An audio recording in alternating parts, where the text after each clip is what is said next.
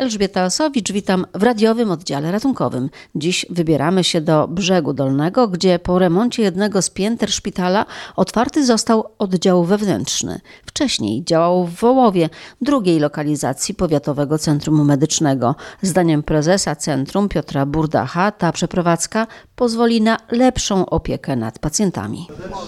Tędy przejdziemy. To jest stary oddział ginekologiczno-położniczy, który swoim standardem przypominał takie lata 60., 70. W tej chwili cała kondygnacja została, można powiedzieć, wypruta do ścian szczytowych.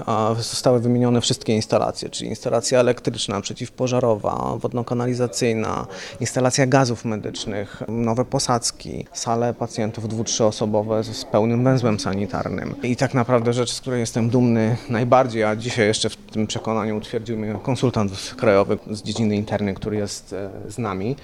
Czyli takie zaplecze erkowe, osobna dyżurka pielęgniarska, osobna linia zasilania do sali intensywnego nadzoru, docelowo cztery łóżka ojomowskie z dostępem do gazów medycznych, respiratorów, kardiomonitorów, sala klimatyzowana, także XXI wiek i zadanie, które no, zostało zrealizowane ponad podziałami, czyli mimo ambicji politycznych e, samorządów e, dostałem zgodę na przeniesienie tego oddziału. Partycypuje w tym przede wszystkim gmina Brzeg Dolny, koszt inwestycji ponad 4 miliony złotych. Gdyby nie to, że widzę kawałek muru na zewnątrz, to od środka to wygląda jak nowy szpital, jak nowe miejsce. Zgadza się I, i to mnie niesamowicie cieszy.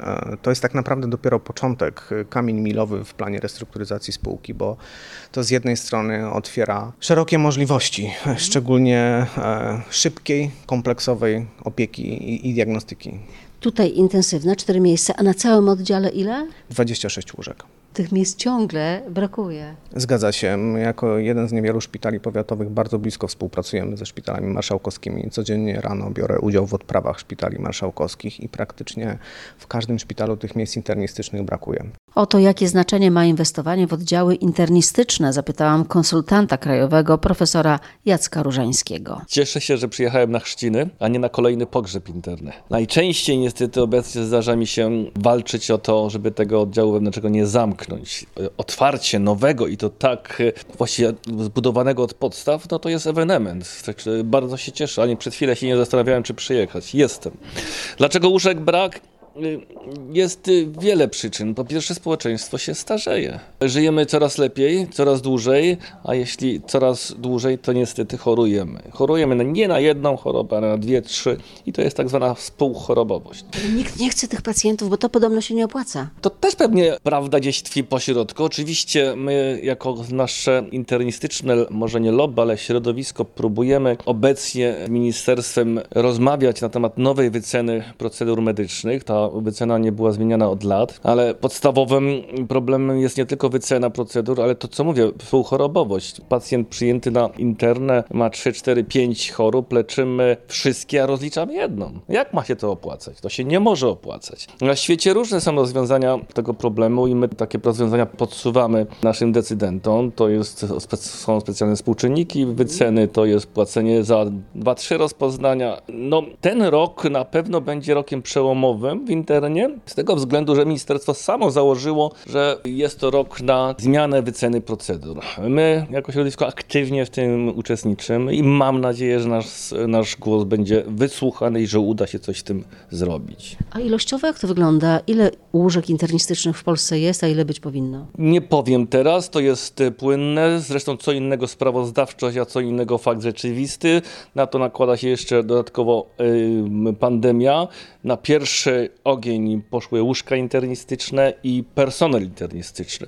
I ja to rozumiem, bo jesteśmy najlepiej wykształconymi lekarzami, znamy się najlepiej na człowieku i najlepiej ich leczymy. Ale były takie e, wątpliwości, że interniści jednak no, nie są zakaźnikami. Absolutnie się nie zgadzam z takim e, podejściem, bo leczymy człowieka, leczymy jego ch- choroby, a to, że czynnikiem spustowym był wirus SARS-CoV-2 nie świadczy, że chorowaliśmy jakoś inaczej. Problemy, które spotykały tych pacjentów były doskonale znane in- internistom i to myśmy tych pacjentów leczyli.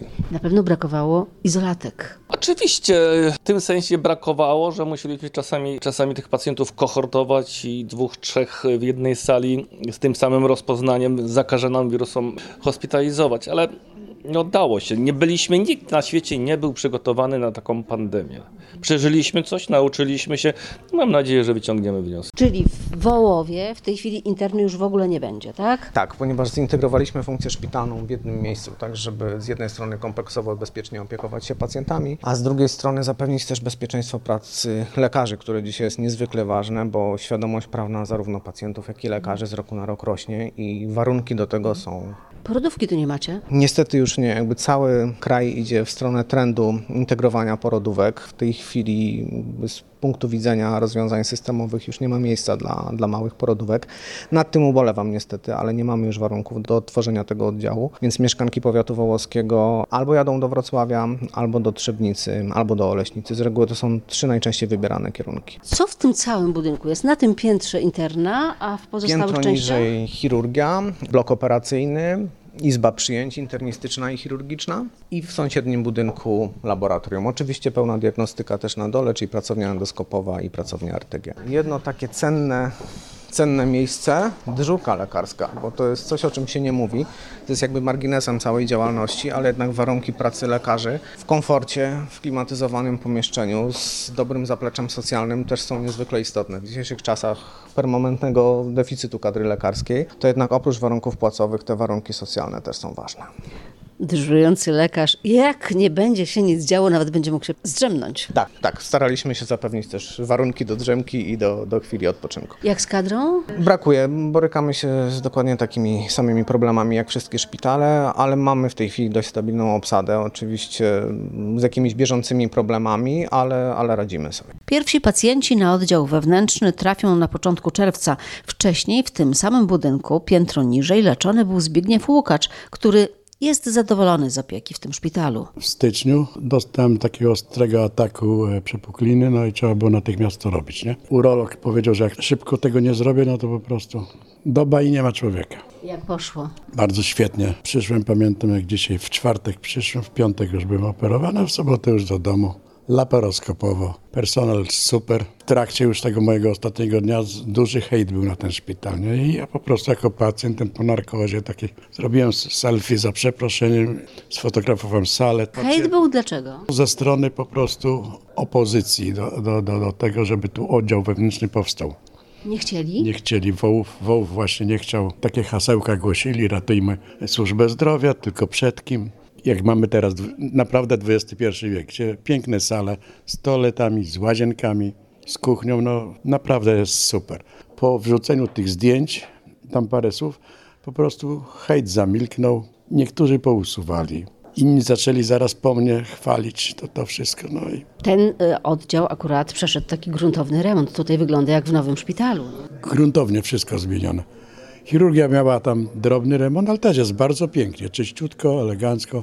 No tylko tyle, że na chirurgii jeszcze nie ma łazienki w każdej e, sali, nie? Ale są dwie łazienki, dwie toalety po prostu. Także nie ma tłoku, nie ma tam No właśnie, wiele osób y, jedzie do Wrocławia, bo że we Wrocławiu lepiej, a pan zdecydował się leczyć się tutaj. Tak. Same czekanie na izbie przyjęć we Wrocławiu. To jest czasem doba, czasem pół doby. To jak to się z marszu. Przyszłem 10 minut, przebrałem się i na górę. Badania takie przedoperacyjne, które są wymagane, wyniki przyszły. Wieczorem rozmowa z, z no i rano zabieg.